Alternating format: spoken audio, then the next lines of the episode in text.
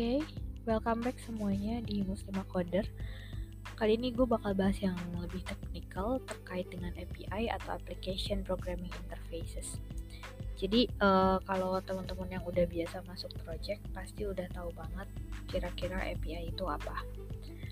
Nah, uh, kalau kita ngebahas tentang API, gue tuh bisa menggambarkan bahwa API ini kayak checkpointnya data ataupun kalau kita pengen bikin beberapa titik untuk bisa kita ngakses data-data kita habis itu mau kita sebar ataupun mau kita uh, perlakukan apa pun dengan data tersebut kita bisa menggunakan API uh, saat gue bilang API uh, kita punya resource ataupun sumber yang namanya database untuk data.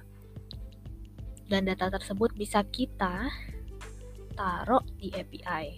Di mana data tersebut ketika lo taruh di API, mereka akan punya data-data yang sama dengan format JSON.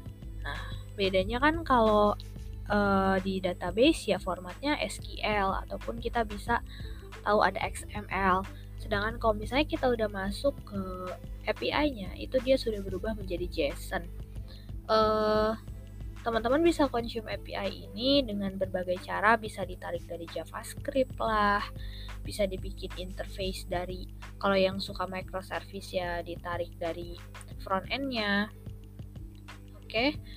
nah uh, eh, API ini teman-teman semua dia punya empat operasi yang cenderung kita semua tahu ya.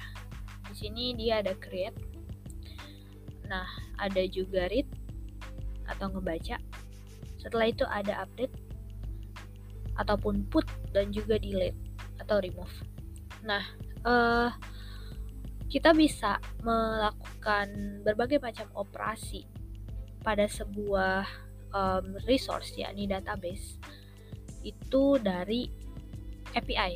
Jadi kita bisa ngirim perintah ke API di mana API ini akan meneruskan perintah tersebut ke JSON dan kembali menampilkannya di laman API-nya. Jadi nggak ada yang namanya API itu misalnya oh dia itu ternyata database playground ya. Enggak API itu adalah interface-nya dari database kita.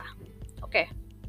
Nah untuk penggunaan API sendiri gue belum pernah research uh, kira-kira bisa disimpulkan ini klasifikasinya dinamakan apa.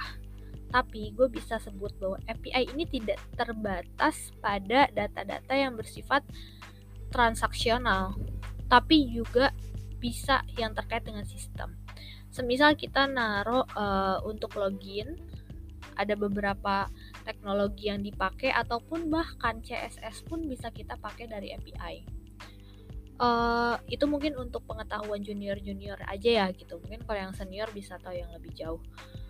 Uh, setelah itu, tadi kan kita udah tahu tuh empat hal yang bisa dilakukan dari API ataupun bisa dioperasikan dari API agar kita bisa akses database-nya.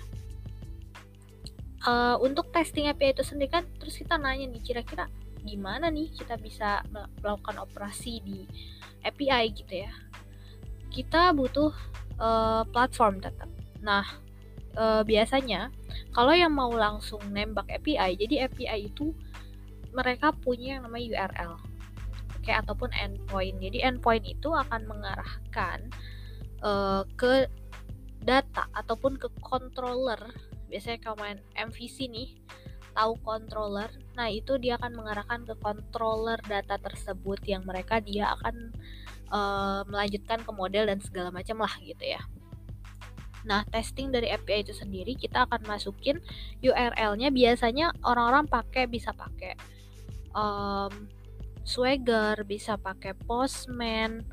Itu uh, kita bisa pakai jenis apa pun uh, eh, API platform untuk ngetes. Nah selanjutnya gue bakal bahas terkait dengan API itu bisa dipakai di arsitektur monolitik atau arsitektur microservice. Nah kalau misalnya kita bicara terkait ini, gue bisa simpulkan bahwa API itu bisa dipakai di mana aja. Lo mau pakai di MVC pun, walaupun sebenarnya kayak oh gak make sense nih, masa MVC pakai gaya-gayaan API?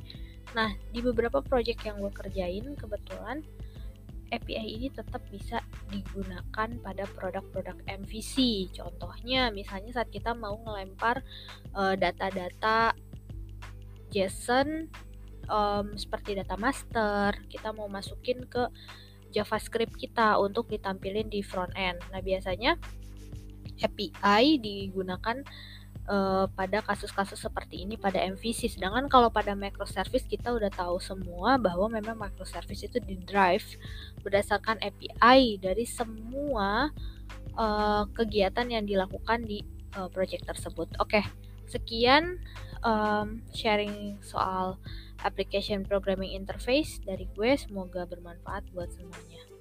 Thank you.